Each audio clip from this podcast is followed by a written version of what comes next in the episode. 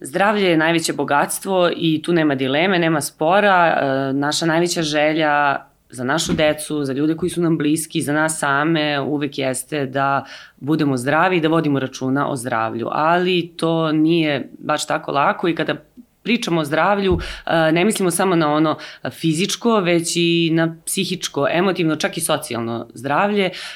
U našem podcastu Mamazijanija, e, kao što i sami znate, već bavimo se e, pre svega decom, vaspitanjem, njihovim odgojem, a ono što je uh, najvažnije jeste za sve nas roditelje kako da naša deca uh, budu zdrava i ostanu zdrava uh, i, i ovaj, jednog dana kada budu odrasli ljudi. Ono što je za našu decu dodatno važno jeste i da njihovi roditelji, pre svega mame koje se najviše brinu o njima kada im se nešto desi i kada nije sve potaman u tom zdravstvenom smislu, jeste da se i te mame čuvaju, da paze na svoje zdravlje i da ne stavljaju sebe u neki drugi plan, jer je uh, njihovo zdravstveno stanje podjednako važno kao i uh, stanje njihove dece. Um, zato je nama danas u, u gostima, u, u Mamazijani, uh, naša draga, pa mogu donekle da kažem i koleginica, ali pre svega doktorka, Katarina Bajec, specijalistkinja oftalmologije, koja, uh, kao što mnogi znaju, vodi emisiju uh, Zdravo misli, gde se bavi upravo zdravstvenim temama, tačnije onim što ona najbolje zna. Pre nego što smo krenuli, eto, vodile smo razgovor o toj operaciji koju ste imali i ja sam baš zato htela da vas pitam koliko je važno zdravlje mame. Da. Ana, dobar dan i drago mi je da sam gošća u vašem podcastu i hvala vam na lepim rečima u uvodu. Pa ja bih rekla da je važno i zdravlje mame i zdravlje tate. Ja ne bih njih zanemarila i oni su značajni. Negde mi kada dođe taj trenutak da postanemo roditelji svu pažnju usmerimo ka detetu, to nam postaje onako centar svih dešavanja. Međutim, čini mi se da veliki broj ljudi, nažalost, negde u moru obaveza i želji da budemo posvećeni detetu, a opet i da sve one druge segmente posla, karijere i svega što treba da zadovoljimo, negde sebe stavimo u zadnji plan. I ja ovaj, kad evo razmišljam o toj temi, pomislim, bila sam na stažu na ginekologiji jedan duži vremenski period i recimo suočavala sam se sa ženama koje dođu na pregled i kažu ja od rođenja deteta nisam bila na ginekološkom pregledu, a dete je na primjer punoletno. E to su neke stvari koje nikako ne smemo da dozvolimo i negde da bismo bili dobri detetu i da bi dete imalo pravilan razvoj, mi moramo da budemo zdravi jer ako smo mi zdravi i srećni onda će dete biti isto takvo. Da. A, slažem se i ne mogu da verujem i dalje da postoje. ja sam, evo, vi ste, nažalost, da, pa mislim, ja sam neko ko... Više ja sam, od 3-4 godine na Da, ali ja sam podelila pregled. prosto i u javnosti negde da ljudi yes. vide da nismo mi nedodirljivi i da nemaju percepciju, e sad evo ona priča o zdravlju i ona je savršena i ona sad e, nama soli pamet, ali ne zna kako je nama i vremenski ovako, onako odlično znam i ja sam mama i negde sa jednim detetom sam grabila da završim fakultet u roku, da taj prosek bude dobar, s druge strane sa mlađim detetom opet sam grabila neku karijeru koju sam gradila i onda tako stalno se čovek nalazi u nekom periodu. I onda tako u tom periodu ja sam 21 godinu jednu benignu promenu u svojim grudima pod znacima navoda gajila, ali bez obzira jeste bilo benigno i sve je kako treba, ništa nije bilo ugrožavajuće, ali opet sve jedno, ni takve stvari ne treba raditi. Treba ipak naći vremena iza sebe i misliti o sebi. Da, ovaj, nekako mi koji smo mame, opet moram da naglasim, bar ja, evo iz mog ličnog iskustva, uh, imam dvoje dece i kad posumnjam da nešto nije u redu, ne znam, zaboli me nešto čudno glava, uh, stomak, malaksala sam i dobro, ja ne razmišljam toliko sad o, o sebi kao ja šta će biti sa mnom? zbog mene, nego uvek imamo i to Decu ako se meni nešto desi, da, da, šta, znači čak sam nedavno, ovaj, nešto sam bila sama s klincima, muž je bio na putu i ja sam toliko bila sva onako smlaćena i onda sam im rekla, ako slučajno padne, mi se nešto desi, da imate uputstvo kako da zovete tipa babu, dedu, de, znači hitnu pomoć moraju da znaju, nisu oni sad toliko mali, ali zaista nekad, nekad onako smo u strahu, jer uh, sve češće se dešava u zadnje vreme da mlađi ljudi, ta starostna granica se spušta, nažalost, e, i po pitanju infarkta i nekih onako težih oboljenja, da ne znam kako taj strah ne navede ljude, naročito je to žene,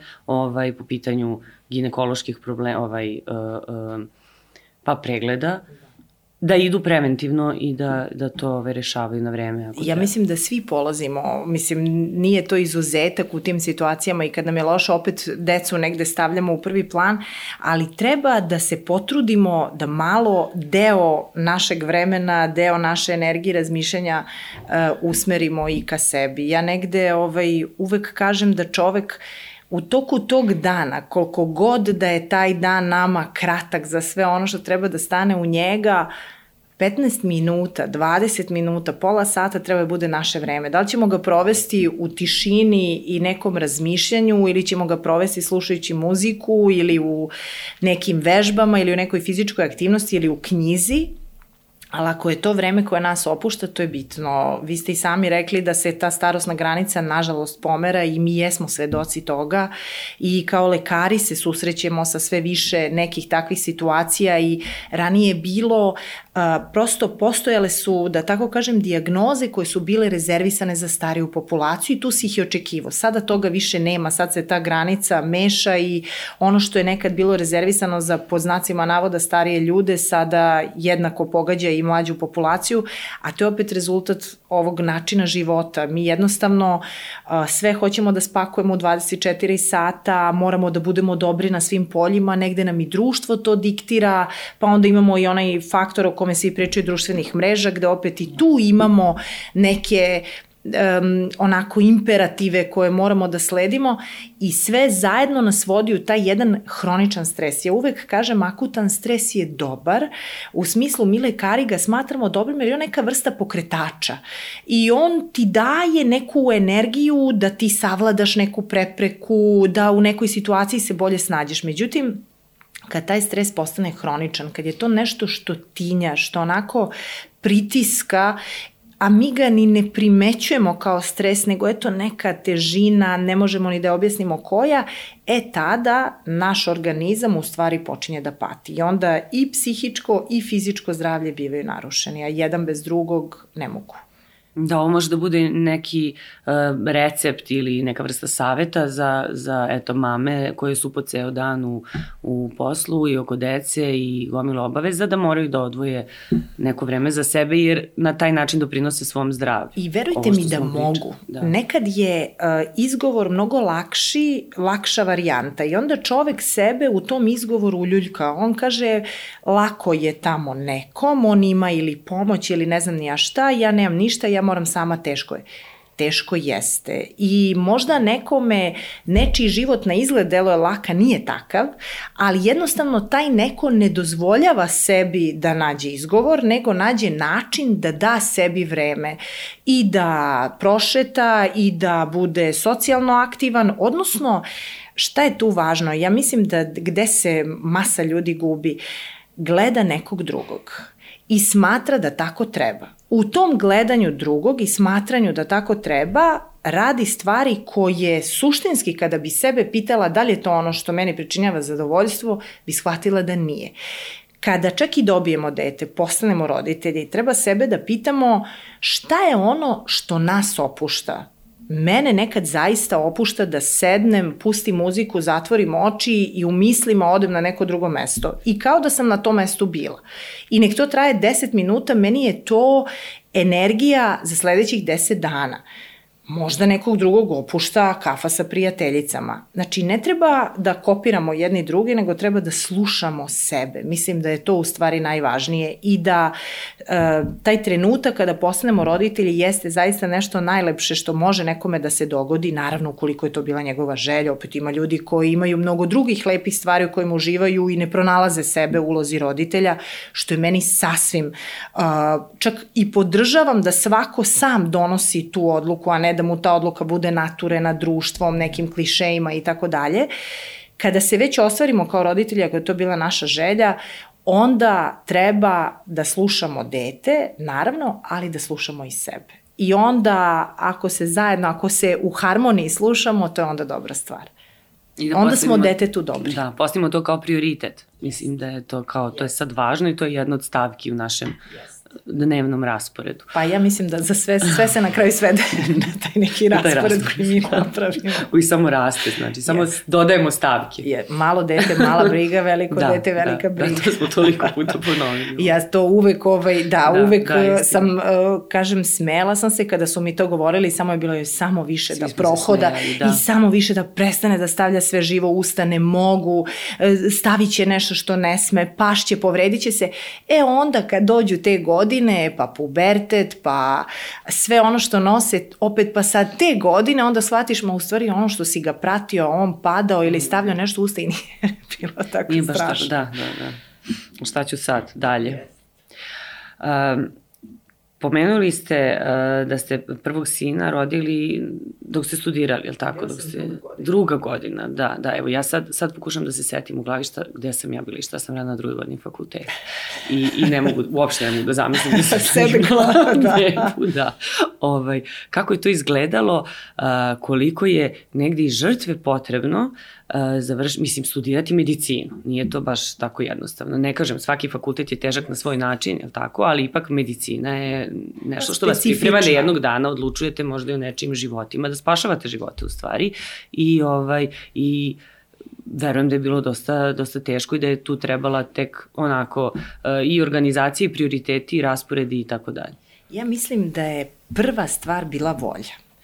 Dakle, ja kada sam prosto rešila da postanem mama u 21. godine i sagledala sve prednosti i eventualne mane koje takva odluka može da, da nosi sa sobom, bilo je mnogo više prednosti i, ovaj, i zaista i dan danas tvrdim jer dobijete drugara za ceo život. Uh, ali negde volja je bila ono što je bilo ključno. Ja sam potpuno iskrena, ja sam imala veliku pomoć roditelja, roditelji su mi tada bili mlađi, sve nekako išlo drugačije u tom smislu, ali opet možete da se uljuljkate. Imala sam primere ljudi u svom okruženju koji su isto tako mladi postali roditelji, imali sve moguće pomoći koje su postojale, ali jednostavno nekako su sami sebe ubedili da sada taj fakultet može da ide sporije, može da sačeka, pa nije strašno ako se neka godina obnovi i tako dalje i ja u to nisam htela sebe da ubeđujem. I suočavala sam se i tokom trudnoći i kasnije kad je dete bilo malo, da ti kažu pa dobro,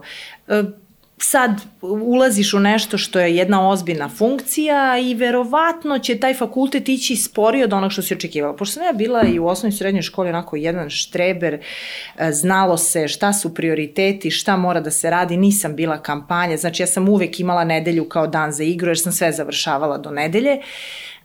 Ja sam se tako odnosila prema fakultetu. I kad god bi mi tako nešto slično rekli, mene je to onako duboko u duši ljutilo, ja sam rekla vidjet ćete, onako u sebi, ja neću izgubiti ni jednu godinu, moj prosek će biti savršen kao što je i startovo i to će biti tako, devetke, desetke, neću ništa drugo.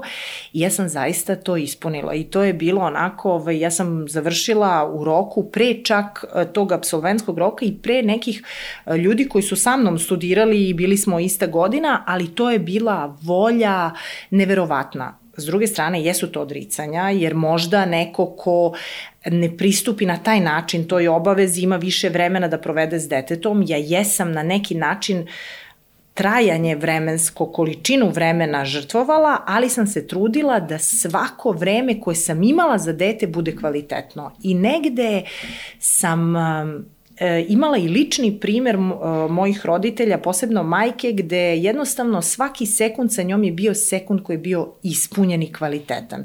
Nije zadovoljavala formu u redu, ti si sam i sam se igraš i sam se vaspitavaš, a ja sam tu i ne znam gde ću na sve strane, ali ja sam s detetom ceo dan.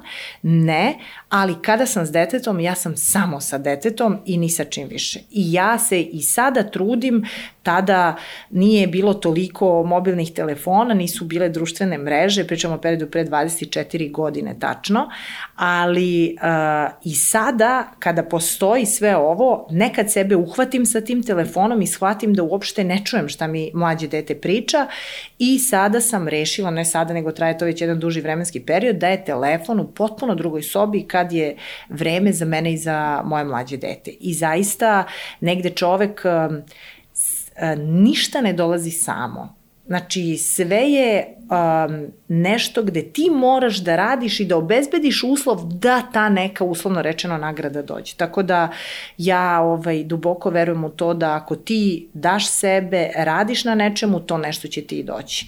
I tako i sa decom. Tako da žrtva jeste postojala svakako, ali a, volja, odluka, to je ono što je broj jedan i opet ja kažem, ja jesam imala pomoć, ali s druge strane a, kasnije je došao i vrtić, tako da je dete išlo u vrtić, a ja sam to vreme koristila onako kako treba da se koriste. Dobro, postave se i ciljevi. Mislim, ako imate neki cilj, Jest. onda idete ka njemu, stremite, pa sad koliko to god je, možete. E, e, negde, ja mislim da mene i u tom čudnom putu da dobiješ dete sa 20, pa posle drugo sa 38, pa nekako uh, nije uobičajen put, pa medicina, pa sad sam prosto u ovom nekom drugom svetu, malo sam skrenula sa tog uh, onako utabanog puta, ali um, ja sam uvek slušala sebe. Ja mislim da je to osnovni savet da bi mogao sve da spakuješ u 24 sata. To. Ja nikad nisam gledala šta neko drugi radi. Uh, ja sam mogla da se divim nekom drugom i da kažem divno, baš lepo što radi to i to ili je uspešan u tome i tome, to njega ispunjava, ali sam ja gledala sebe. Šta je ono što mene ispunjava, šta je ono što je za mene uspeh, šta je ono što je moj cilj trudila se da budem realna prema sebi, tu sam negde imala i podršku mame koja je bila sudija pa profesionalno deformisana, sudila je nama, bila realna, racionalna, onako, bez obzira što smo deca. Imali oni čekaj zudari? nije, Mir. nije čekaj. Možda ovo za, za meso da, je moglo da posluži, ali uh, prosto naučila me je da realno sebe sagledam i da znam šta mogu, šta ne mogu, da uh, se potrudim, da dam sve od sebe, da shvatim kada nešto ima smisla, kada prosto treba reći ok, uradio si sve, ali sad moraš da uradiš na ovaj na onaj način. Um, slušati sebe, mislim da je to i biti individualac, znači sebe, šta je ono što je za mene sreća, šta je ono što mene ispunjava, a ne gledati šta neko drugi radi. Jer ako je ispunjena mama, i dete, i dete će biti na neki način. Biće to dobro, je, biće bolje ako je mama Deca dobra. od nas uh, pres, bukvalno preslikavaju ponašanje. I vi vidite da dete tačno, ako je okruženo ljubavlju, ako je okruženo tim nekim, ja kažem, zdravim odnosima, prosto to mora da se reflektuje na dete. Ako toga nema, šta god vi pričali detetu, a vašim primerom mu pokazivali suprotno, nažalost, u velikom broju slučajeva ona će slediti primer a ne ono što mu vi govorite. Znači, e, moraš zaista da mu pokažeš da ti radiš ono što očekuješ i od njega kasnije da, da postane. Pa da, model je mnogo važniji od, od reči. Mislim, pričamo evo za telefone što ste, Jeste. što ste pomenuli, toliko njih priča, ovaj, evo i ja prvo koliko puta ostavi telefon, nemoj sad telefon, ajde izađi napolje, uzmi knjigu, uzmi, a sve vreme recimo dešava se, držimo mi Jeste. telefon sad, da li, ga, da li mi gledamo u telefon zbog posla, zbog neke komunikacije, poslovno ili nešto, googlamo, to je potpuno nebitno, telefon je u rukama, a govorimo detetu da da ostavi Ja sam to opet telefon. kažem iskreno. Ja da. sam tako sebe, naišla sam na neke studije gde pričaju o potpuno o, to, o toj nekoj našoj zaslepljenosti mobilnim telefonima, onda šetam pa vidim u kafiću i mlađe ljude pa i starije koji sede za stolom umesto da piju kafu, da se smeju, oni su svi u telefonima ili gledaju ili prave neki selfie I to je to, i nema dalje. Možda se dopisuju između sebe. Ili se, do, da, sede zajedno, ali možda je jednostavnije ovaj, da, da budu na porukama, to im tehnologija da. dozvoljava. Ali uh, onda sam sebe počela da analiziram i ja kažem kao, bože, pa ja pričam ljudima, nemojte mobilni telefon i radimo to, to, to i to i posmatram decu i kažem, vidi šta rade oni, onda sebe uhvatim da sam ja na tom telefonu i tako sluđeno gledam neke stvari, pa pa čekaj, postojeće vreme onda za to, ako moram zbog posla neke stvari da pratim u redu, pratiću, ali u određeno vreme, ako je sad vreme za dete ili za porodicu ili za prijatelje, bit će samo za njih vreme. I onda sam se čak naučila da kada sedim negde, e, u kafiću ili negde, ja namerno ne vadim telefon iz torbe. Ja ga ostavim da, da u torbi. Na, na stolu. Jer neminovno će ti privući pažnju. Tačno, tačno. A, između vaša dva sina je razlika kolika? 17 punih godina. 17 Da, kao dva jedinca. ja to uvek kažem. Sad, ovo kad pominjemo i ove telefone uh, i, i ovaj, uopšte vreme danas i vreme od pre 17 godina, u stvari dobro, ovaj mlađi, on je sad već koliko 7 ima, 6, 7. E. Ovaj, uh, velike su razlike bile, pretpostavljam, u vaspitanju jednog i drugog uh, i, i vi ste bili tada mlađi, mislim, eto, Mlađe po, pomenuli smo i studiranje, jeste i sve to, ali evo i ovi sa telefoni, nije bilo tih telefona kad je, kad je stariji sin bio mali. Uh, kako se sad snalazite? Možete da primenite neke slične metode ili je to potpuno različito? Neki sistem vrednosti uvek ostaje i to je neki sistem vrednosti koji sam ja dobila od mojih roditelja i to su vrednosti koje ja trudim se da prenesem na svoju decu. I to je ono što generacijski, ne generacijski, jednostavno neki, kao i kuća, taj temelj je temelj. Znači, to je ono što je nešto što stoji i što bez obzira da li je prostor od 3 godine, 3 meseca ili 17 godina je isto. Ali razlike postoje i uh, nasmijala sam se jer sam se setila komentara mog starijeg sina uh, ja sam bila mlada, ambiciozna mama, uh, onako dete je pored vrtića imalo i druge van uh, nastavne aktivnosti, to su bili jezici, to je bio sport, to je bilo, ma svašta nešto, prosto stalno je vreme bilo ispunjeno nekim sadržajem. E onda je došlo mlađe dete, pa je trebalo onako nekako sa tri godine, kako to već treba i kako se savetuje da krene u vrtić. Dobro, u njegovom slučaju je došla i pandemija, pa je onda to sve poremetilo, ali ja sam sebe onako nekako uhvatila da sam mnogo slabija i manje dosledna u smislu da nekad i kažem pa dobro ajde ako baš e, je danas umora neka odmori neka ne ide na tu aktivnost. Kod starijeg deteta to nije postojalo opravdanja te vrste apsolutno nisu postojale i onda je moje starije dete imalo komentar i reklo mama ostarila si. Ne vredi. to se da, vidi. Da, da. Sad si mekša, slabija, nisi više tako. Da.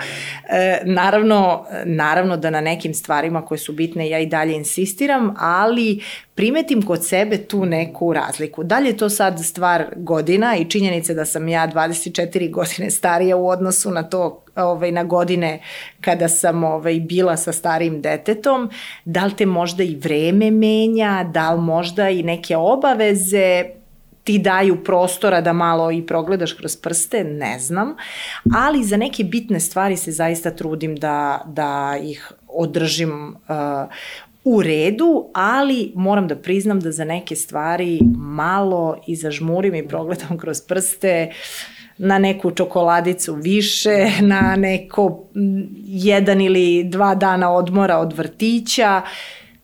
Prosto što kažu ljudi smo negde yes, i, i treba yes. ovaj treba i to sebi dozvoliti. Da. Pa inače roditelji uh, troje, četvoro dece, kažu da eto sa prvim je uvek sve osetljivo, yes. pipavo i strogo, ali i ono, ne znam, to je jedan drugar ovaj, moj pričao, kaže uh, ovom prvom detetu sterilišeš cucu svaki put kad da padne ne? ide u sterilizaciju, pa, pa da flašica, pa igračka.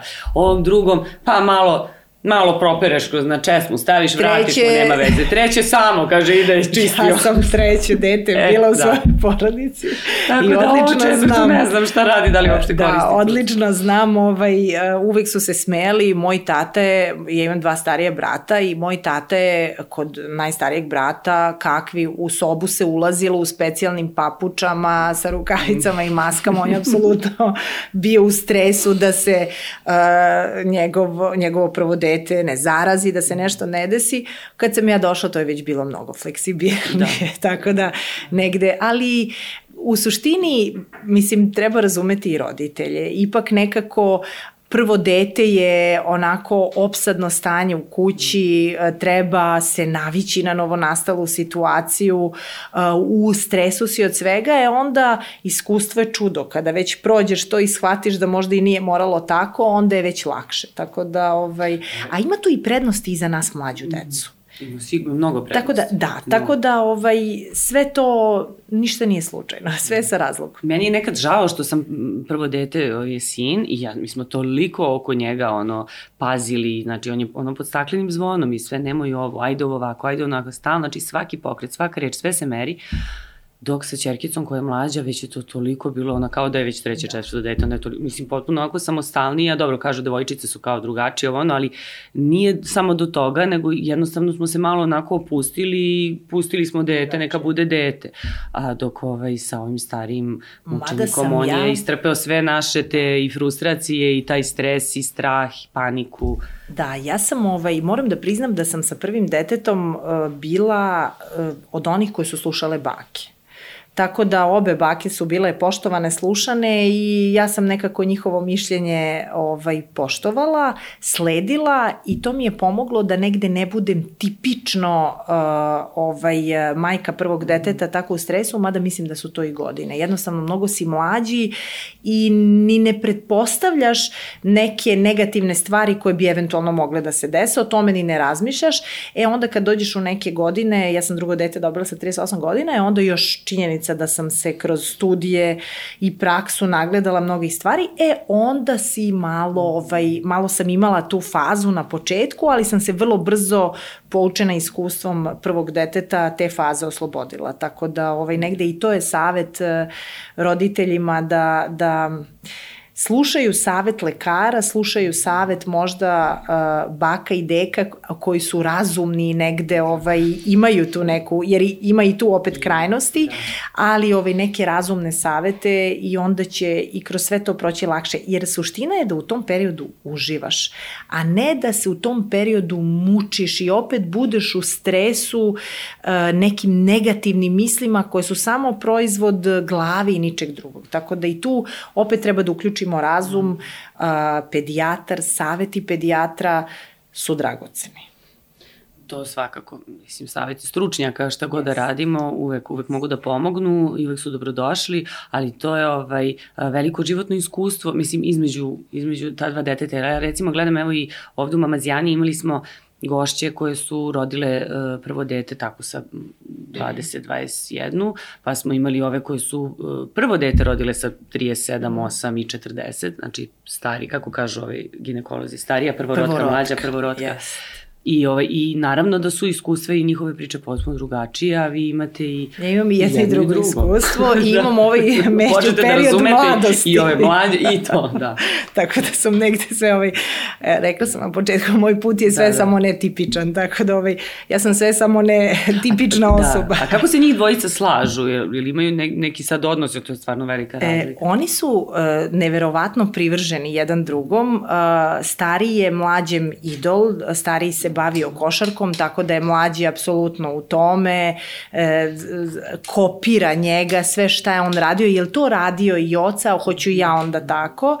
I e, taj odnos e, prosto se između dece izgradi. Opet ako roditelj tu e, napravi pravu stvar i pusti da se negde njih dvojica zajedno upoznaju, da zajedno grade taj odnos, taj odnos nekako i dođe. Tako da sada vrlo često smo u situaciji da su njih dvojica u koaliciji protiv protiv mene za pojedine e, odluke ili neke vaspitne mere u smislu da nešto nije dobro da se radi, da treba drugačije. Vrlo često njih dvojica podrže jedan drugog u tome da se možda ne, ne, neka, neki mamin prigovor i ne usvoji. Tako. A dobro, ali sad stari može njega i da pričuva, može da ostane jest, sa njim, to jeste. je super. Oni imaju svoj dan da, kada provode da. zajedno, uglavnom biraju u zavisnosti od obaveza stariji završava fakultet i onda uh, negde kad god ugrabi slobodno vreme ili idu na koševe ili idu na Kalemegdan ili imaju neke druge aktivnosti, voze formulu, već ovaj, imaju toliko nekih zajedničkih stvari koje ovaj, uh, u mlađem prepoznajem da su bile ovaj, kod starijeg u istom tom životnom dobu, tako da imaju jedan jako lep odnos i meni kao roditelju je kada to gledam srce puno. Onda znam da sam u stvari radila prave stvari. Iako mi možda u nekom trenutku nije delovalo tako, ako sam se možda u nekom trenutku preispitivala, na kraju kada vidiš krajni proizvod, onda shvatiš da u stvari ovaj, uh, i kada nekad je bilo možda i teško, je u stvari bilo teško s razlogom. Da, ali onda je srce puno kad se vidi taj, to jest. taj rezultat. A uh, jer postoji neki, neki ključ za, za zdravo roditeljstvo, za pravo roditeljstvo, neki Znam da nema recepta, nema knjige, nema šablona, nema pravilnika koji bismo svi mi toliko želeli u određenim situacijama. Ja nekako, ovaj, evo kad to slušam, a sad nadam se da ću se setiti, ovaj, ali ima jedna pesma Ljubivoja Ršumovića koju ja strašno volim, a mislim da kada bismo malo više prosto obratili pažnju, zaista imamo sjajne ljude, Duško Radović, Ljubivoj Rašumović, ljudi koji su toliko negde ušli u dečju psihologiju, ali na onaj jedan jednostavan način da svako može da razume. I onda on kaže u, u pesmi posmatraj dete, ali mu nemoj na put stati, što ga pre čovekom uh, hajde da kažem, shvatiš, pre će čovek i postati. Negde mislim da je to ono što je ključ.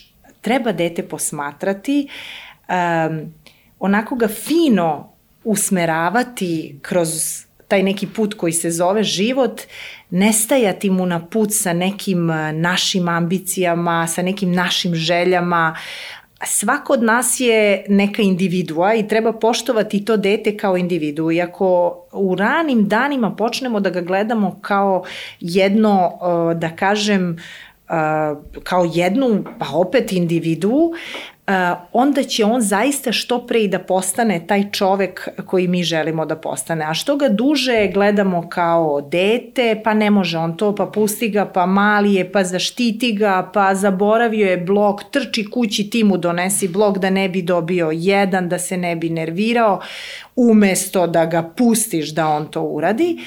E, um, onda ćeš napraviti pravog čoveka. Ja sam blok rekla, vidim da, da se smete, imala sam...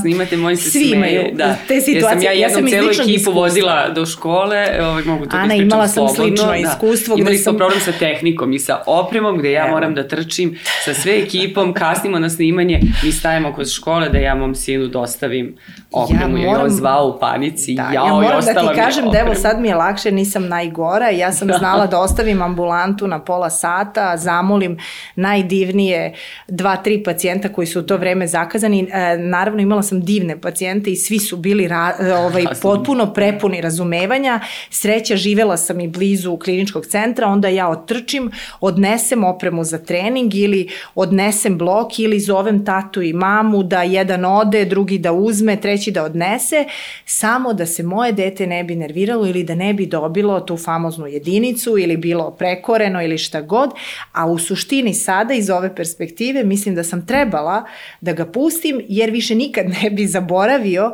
i znao bi, bio bi odgovoran i znao bi koje su njegove obaveze. Ovako priznaću, to nije bila jedna situacija, nego se vrlo često i ponavljala, jer je znao da će neko drugi da, da uskoči, ispraviti, da, da jeste, ispraviti tu grešku. Da. Tako da ovaj, treba dete što pre da krenemo da posmatramo kao čoveka i onda će i da postane čovek. Tačno, pa dobro, treba nekada osjeti kaznu, mislim, i, i u školi. Pa prosto da shvati da je pogreši, jest. da shvati posljedice toga da igrao se, nije pripremio sve uveče, dakle nije bio odgovoran, ujutru uh, je možda spavao duže, nije se koncentrisao šta mu sve treba, nije pogledao svoj raspored pre polaska u školu, zaboravio je. U redu, zaboravio si i sledeći put nećeš u školi ćete adekvatno već prekoriti za to i to je to. A ovako, ako, ako dete, um, opet kažem, oni su individue i vrlo su pametni i vrlo znaju šta mogu i dokle mogu. Ako vide da mogu, doneće mama doneće tata. Setit će sredit će se, sredit ćemo to. Njih. Pa yes. da, da. Ovako će razmisliti kako je došlo uopšte do toga. Zašto sam ja sad zaboravio? Nema veze, to je banalan primer, ali Naučić. generalno verujem i u životu kad yes. se budu dešavale slične stvari, možda će se zapitati pa da. onako napraviti neku, raditi rekonstrukciju u glavi I razgovor. Kako sam, kako sam dospeo u ovakvu yes. situaciju? Jeste Koja i razgovor, situacija? i razgovor sa detetom. Ja nekako nikad nisam, ovaj, uh, nikad nisam tepala detetu, nikad nisam s njim da. pričala da. na taj način. T, t, t.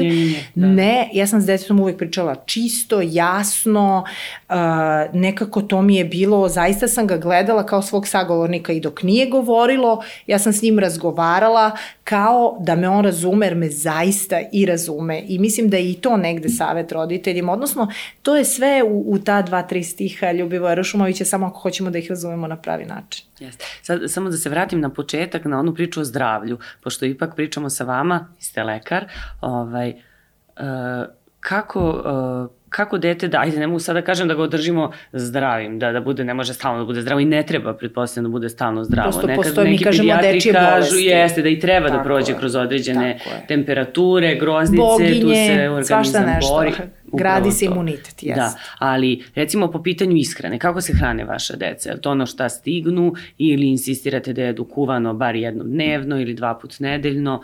Postoji ja neki sam od onih, ja sam uh, stara škola i onako trudim se da ovaj, deca imaju kuvano za taj ručak, uh, da to bude supa, ja sam neko ko ovaj, uh, prvo je i sam ljubitelj toga, trudim se da imaju jednu uravnoteženu ishranu. Naravno, ne zabranjujem, ne pravim kod dece restrikciju ne smeš ovo i ovo isključujem za uvek. Nisam od tih roditelja i ja smatram da to nije dobro ni um, raditi deci ni raditi sebi. Znači to uvek prosto ima neke druge uh, prosto posledice.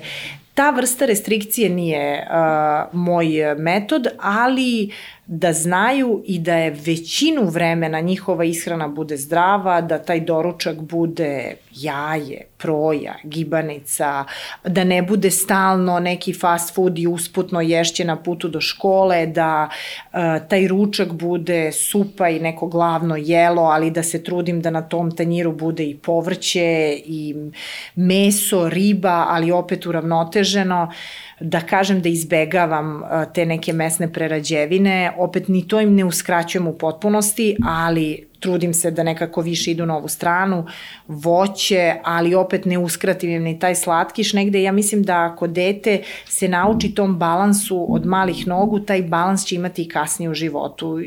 Negde idem od svog primera.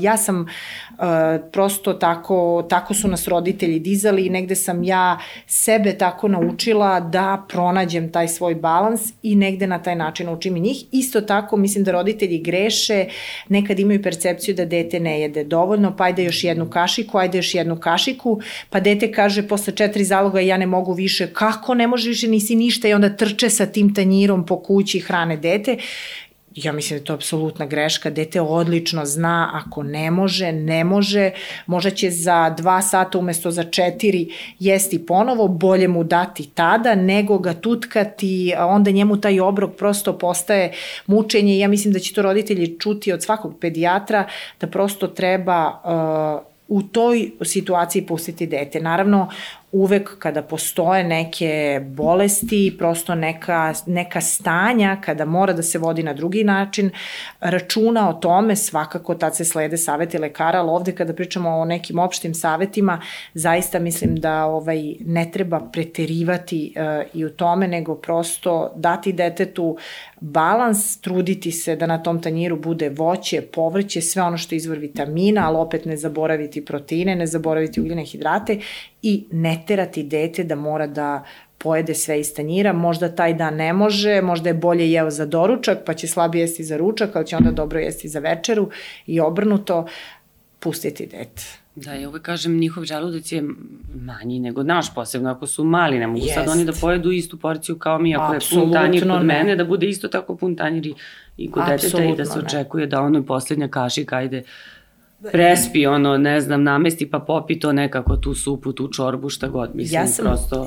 Ja sam tu lekciju naučila od jednog divnog starog pedijatra, Primarius Milićevića, sada i njegov sin, pedijatar Saša. Primarius je bio sjajan uh, lekar, onako, ja kažem, stara škola pedijatara i ja se sećam sa starijim detetom, otišla sam kod njega i moje starije dete je prosto negde neku genetiku povuklo od mene, visok je, stalno je bio mršavko u tim najranijim godinama i ja sam onako sećam se dete imalo možda 3-4 godine, ja sam izbezumljeno došla jer je imao standardnu virusnu infekciju, ali ja sam rekla jeste, on ima virusnu infekciju, jeste, to sad je krenuo u vrtić, pa kreću i, i te infekcije češće, mora da se izgradi taj imunitet, ali on ništa ne jede. Evo, pogledajte kako je mršavo, ništa ne jede, ja njega jurim, znači ja sam pravila tu grešku, ja njega jurim, on pojede tri zaloga, četiri zaloga, on je meni rekao, mm -hmm, misliš da slabo jede, pogledaj kakvi su mu zubi zubi su mu zdravi. Pogledaj kakva mu je koža, koža mu je zdrava. Pogledaj kako je veseo, pogledaj kako napreduje, pogledaj kako se ponaša. Jel misliš da bi se tako ponašao da ne jede dovoljno? Znači jede onoliko koliko njemu treba. I šta ja još vidim na osnovu toga? Da ti njemu daješ hranu koju detetu treba davati, a ne deš mu, ne menjaš mu ručak sa slatkišem ili nešto tog tipa. I zaista kada se čovek zapita, jeste tako. Opet, naravno uz ogradu da kada postoji neki problem, pedijatar će svakako taj problem primetiti. Ja mislim da svi mi roditelji ne grešimo što odemo kod pedijatra i iznesemo iznesemo svoj problem kao što sam ja iznela svoj problem.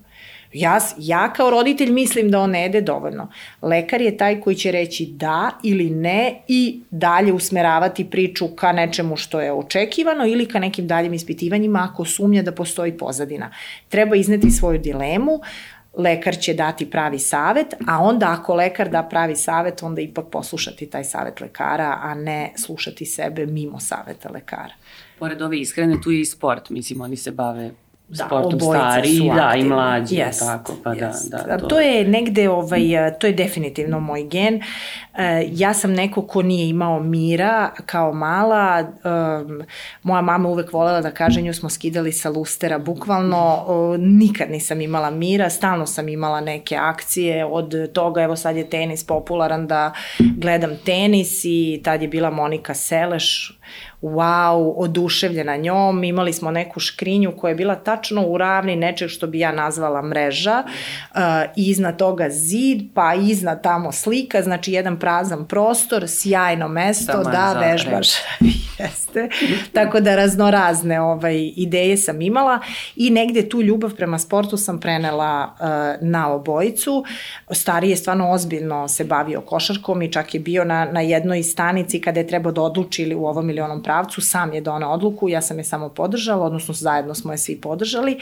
Uh, mlađi, evo sad isto tako, ovaj, skija, ne plaši se ničeg, voli sport, ide u to i ja to kod dece podržavam. Ja mislim da je ta fizička aktivnost zna, zdrava i za fizički i za mentalni razvoj i negde daje detetu obavezu, daje detetu odgovornost, opet ta obaveza je nešto što dete gleda kao igru, posebno ukoliko se nađe na pravom mestu, ukoliko i treneri negde koji rade s decom to prepoznaju, ne opterete dete od e, malih nogu misleći da svako treba da bude profesionalni sportista.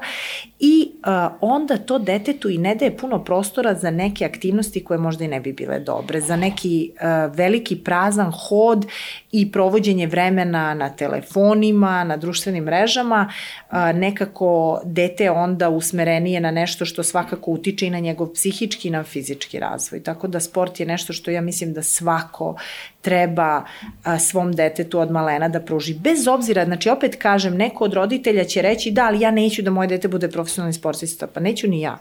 Nije uopšte to poenta, poenta je samo da budu uh, aktivni, fizički aktivni, jer to kasnije njima daje ovaj, um, neke, daje im neke lekcije u životu, čak i ako uh, idu timski sport, taj odnos prema timu te uči kasnije u životu i na poslu kako da se ponašaš. Mi sad imamo, ovaj, recimo, da kada neko gleda CV, gleda da li prima određenu osobu u radni odnos i te kako ga pita da li se bavio sportom i da li je timski igrač. Znači, to je nešto što može da bude samo plus. Da, to se uči. Nauči yes. se u tom sportskom timu, kasnije može da se prenese i, na i u sve što u životu, Na sve što u životu radiš. Ta, taj neki sportski duh, ta, ta, taj, ta neka zdrava takmičarska crta, mislim da je to dobro. A ovo kad smo pomenuli sad telefone i ovo savremeno doba i o tome smo dosta ovde pričali, uh, kako na, ne, neku decu treba terati. Na, ima roditelja koji dete prosto moraju da nateraju i da izađe napolje i da ode na trening. Uh, oni stalno traže izgovore, izmišljaju, eto, možda da ih boli glava, da im, da im se spava, da su umorni, a zapravo provode dosta vremena ispred telefona, ispred kompjutera, to ih izrači, moguće da su umorni od, od Kako ekrana. Da ne, pa to je začarani krug. Da, i kako onda spasiti uh, dete koje bi uvek rađe selo uh, sa telefonom nego uzelo loptu i otišlo na teren. Strpljenje, strpljenje, razgovor sa detetom, strpljenje, razgovor sa detetom, rad, strpljenje, da, razgovor sa detetom. Znači to je bukvalno red jednog, red drugog, red jednog, red drugog. Ništa ne dolazi preko noći i to je rad, rad. Kod nekog deteta će to doći lakše, kod nekog teže, ali treba istrajati i slušati dete pratiti ga. Čak i ako krene u to, pratiti ga. Možda mu to nešto što smo mi odredili za njega ne odgovara, a možda će se pronaći u nečem drugom fantastično i nećemo čak ni morati da ga uslovno rečeno teramo. Osluškivati dete, posmatrati ga i negde biti strpljiv i razgovarati sa detetom, to je, ja mislim, ključ svega.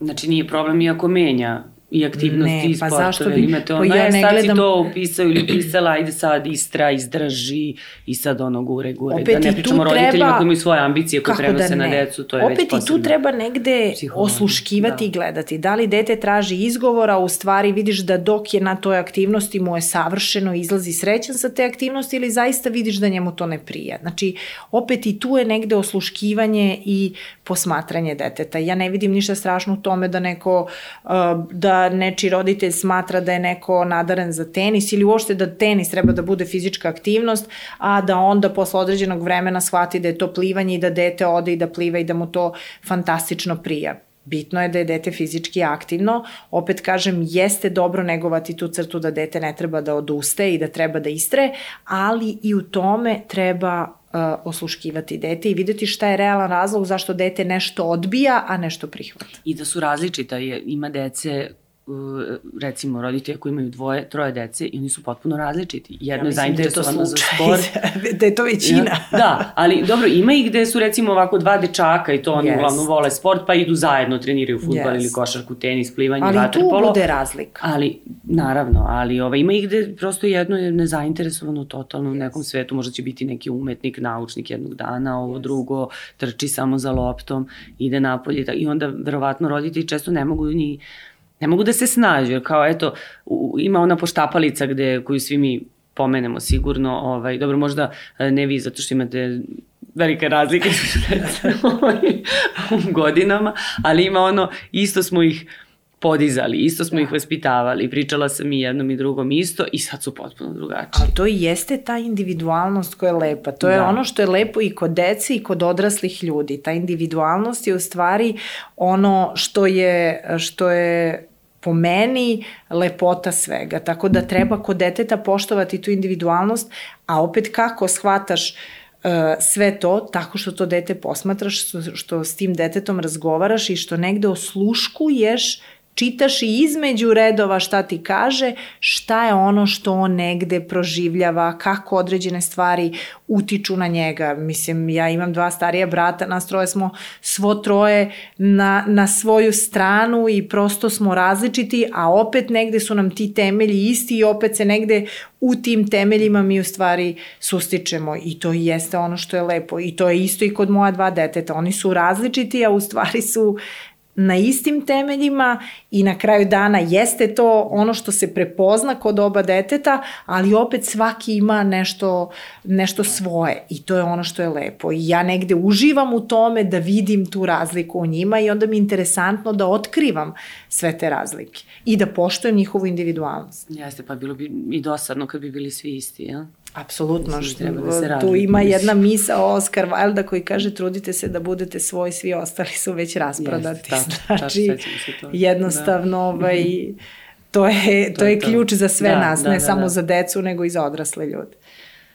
Uglavnom na kraju neka poruka ide gost, gosta ili i ovaj, naših gošći, uglavnom su mame, žene i tako, ali pošto ste toliko toga ovaj, da, rekli, ispričali, dala, da. poruka i saveta, ako ima još nešto, možda u tom zdravstvenom ovaj aspektu s obzirom da ste lekar? Pa ja, da, ja mislim da je glavna poruka da dosta smo pričali o deci, o njihovoj individualnosti i negde podcast jeste usmeren na to, ali nema zdravog roditeljstva bez zdravih roditelja. Znači, nikako ne smemo svoje zdravlje da stavimo u drugi plan i negde da bismo bili dobri našoj deci, da bismo mogli njima da se bavimo na pravi način, moramo najpre da se pozabavimo sobom. Tako da ovaj, negde, negde smo počeli sa tim da je zdravlje najvažnije, ali treba da nam bude u glavi a, ta misao kad god sve ostalo stavimo ispred i zaboravimo na zdravlje, možda treba se setimo, to je toliko jednostavna stvar, ali treba da nam bude u glavi Zdrav čovek ima hiljadu želja, ima hiljadu razmišljanja, hiljadu misli ovakvih i onakvih bolestan, ima samo jednu misao, jednu želju, a to je da bude zdrav. Da ne bi došli u tu situaciju, da bi zaista mogli da imamo sve te i želje i misli i da budemo posvećeni svojoj deci, onda to zdravlje moramo da stavimo na prvo mesto, za njega uvek imamo vremena, I svako ko kaže da nema vremena da ode na sistematski pregled, da nema vremena da ode kod lekara, da nema vremena da se pozabavi svojim zdravljem, ja kažem to je jedina stvar za koju ne priznajem izgovor i ne priznajem da neko nema vremena, svako, ne, ne da ima, nego mora da nađe vreme za to, to je broj jedan, a posle ide sve ostalo, jer od toga ide dalje sve drugo. Ako taj, to polazište nije dobro, ništa drugo neće moći da bude dobro.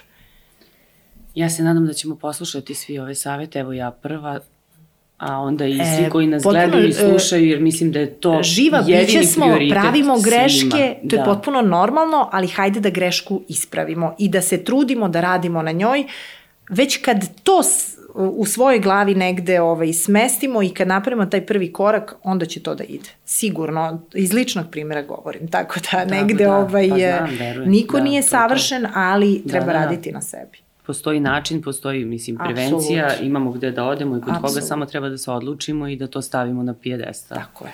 Katarina, hvala mnogo što ste bili naša gošća, hvala na ovom divnom razgovoru. Hvala vam. I ovaj, Eto, srećemo se možda još jednom u Mazijani, uh, srećemo se mi još više da, puta. Treba, treba će nama ovih saveta i poruka još. Ja mislim da da. da to je, to je tema, tema koja je stalno aktualna. Beskrena. Yes. Hvala i vama što ste bili sa nama. Do sledeće mamazijanije, ćao! Mama. Mama. Mama.